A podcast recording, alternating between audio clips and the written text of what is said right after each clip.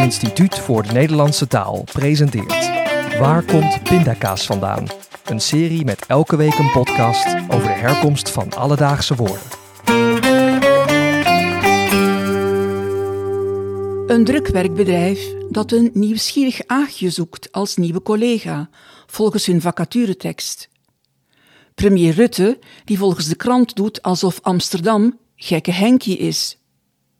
Nieuwsgierig Aagje en gekke Henkie zijn bekende uitdrukkingen met persoonsnamen, maar wie zitten daar eigenlijk achter? Waarom gebruiken we dit soort namen om een bepaald type mensen te benoemen? In deze aflevering bespreken we er een aantal. Heeft er ooit een gekke Henkie of een nieuwsgierig Aagje geleefd? Wie is de Hans in Hansworst en Hansop eigenlijk? En wie ben je precies als je de Sjaak bent? Iemand die dingen niet zo erg in de gaten heeft en zich overal makkelijk voor laat gebruiken, wordt ook wel een gekke Henkie of een gekke Gerrit genoemd.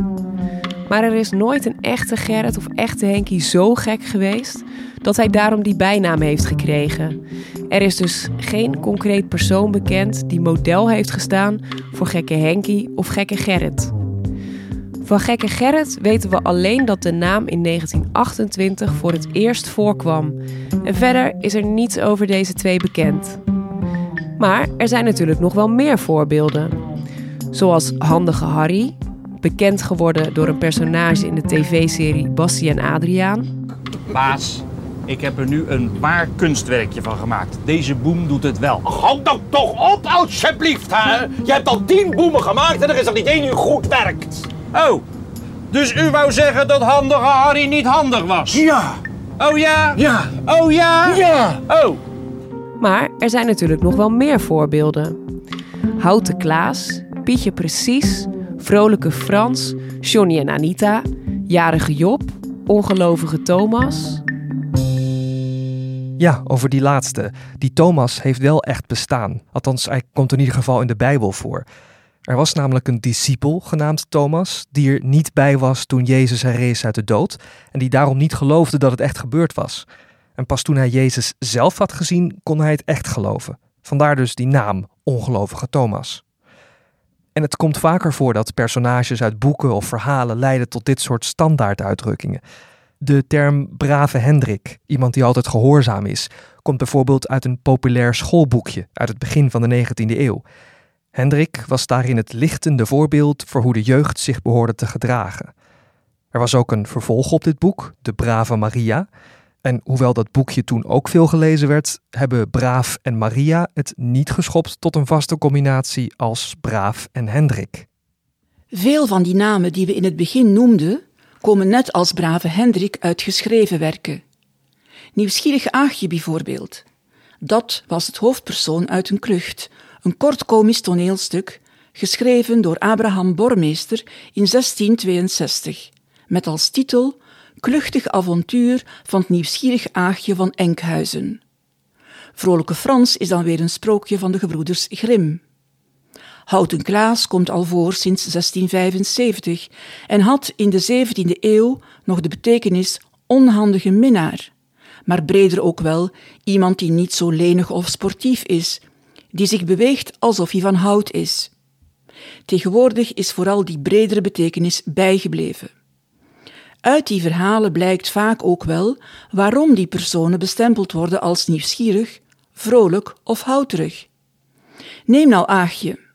Aagje was de vrouw van een smid en ze luisterde vaak de gesprekken af wanneer een bevriende schipper van de smid langskwam en over zijn reizen vertelde, bijvoorbeeld over zijn reis naar Antwerpen.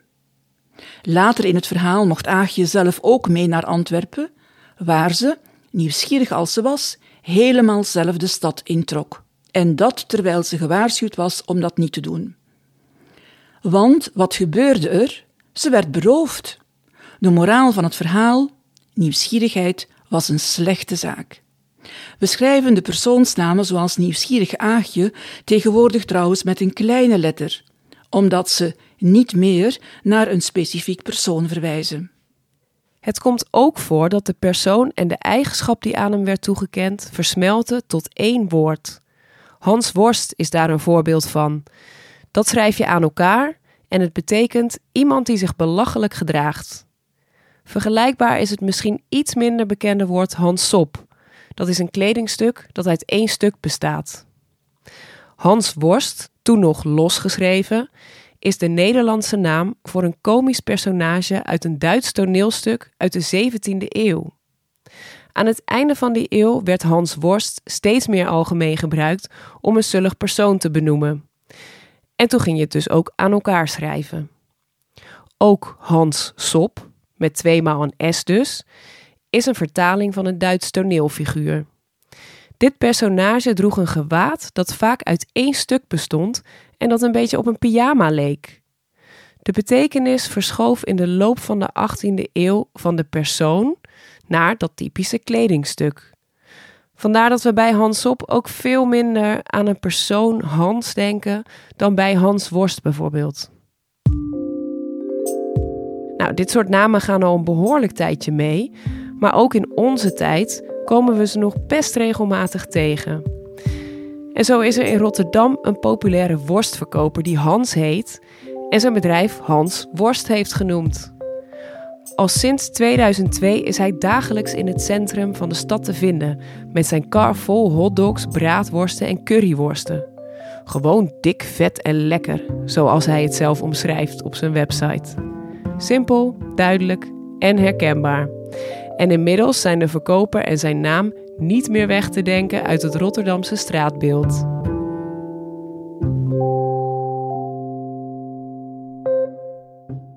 Het is trouwens niet altijd zo dat dit soort personen alleen voorkomen in combinatie met een eigenschap. Je kunt bijvoorbeeld de sjaak zijn. Wanneer je de sjaak bent, heb je pech, dan moet jij precies dat vervelende klusje doen of trek jij aan het kortste eind. Sjaak is blijkbaar al een hele tijd populair in dit soort uitdrukkingen. Die kwam in de 18e eeuw al voor als zich jakus of sjakies houden, in de betekenis van zich stil of van de domme houden. Ook hier lijkt de naam uit een toneelstuk te komen, namelijk van een Vlaamse klucht uit de 17e eeuw, waarin Signor Jacques Smul zich schuil moest houden in een kast. Deze naam Jacques is dan ook zelf waarschijnlijk weer afgeleid van de Franse uitdrukking faire le Jacques, met een gelijknamige betekenis van zich van de domme houden. En deze Jacques is dan weer een oude spotnaam voor een Franse boer.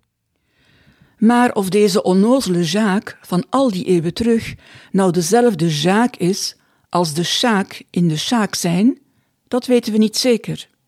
Het zou bijvoorbeeld ook kunnen dat Sjaak naar het mannelijke geslachtsdeel verwijst.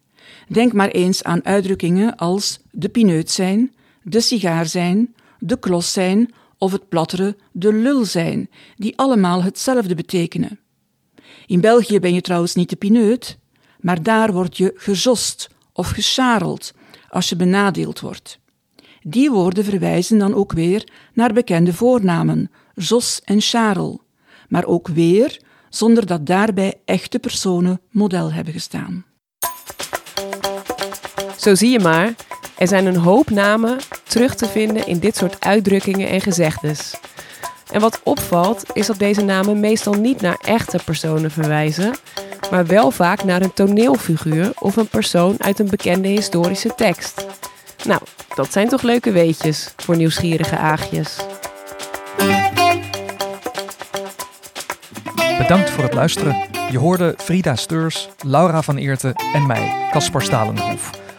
Waar komt Pindakaas vandaan is een podcast van het Instituut voor de Nederlandse Taal, gemaakt door Laura en mijzelf. Met dank aan Thomas Haga voor het meeschrijven en Michel van der Zande voor de muziek.